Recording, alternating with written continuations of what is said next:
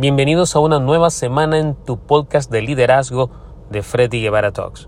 Y hoy en citas de liderazgo te tengo una cita que la vamos a aplicar al liderazgo.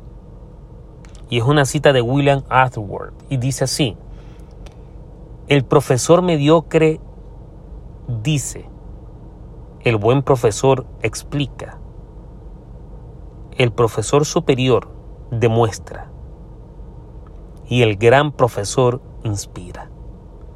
Si esa cita la transformamos o le cambiamos una palabra en vez de profesor a líder, quedaría el líder mediocre dice, el buen líder explica, el líder superior demuestra, pero el gran líder inspira.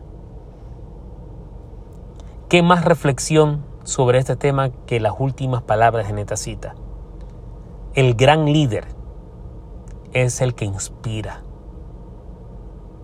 Entonces tú puedes reconocer qué tipo de líder tú tienes en tu organización, basado en que si dice lo que hay que hacer, basado en que si demuestra o explica o inspira a tomar acciones para lograr objetivos de la organización.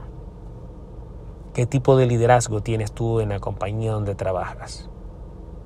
Y si tú eres un líder, salte del campo de mediocridad de liderazgo.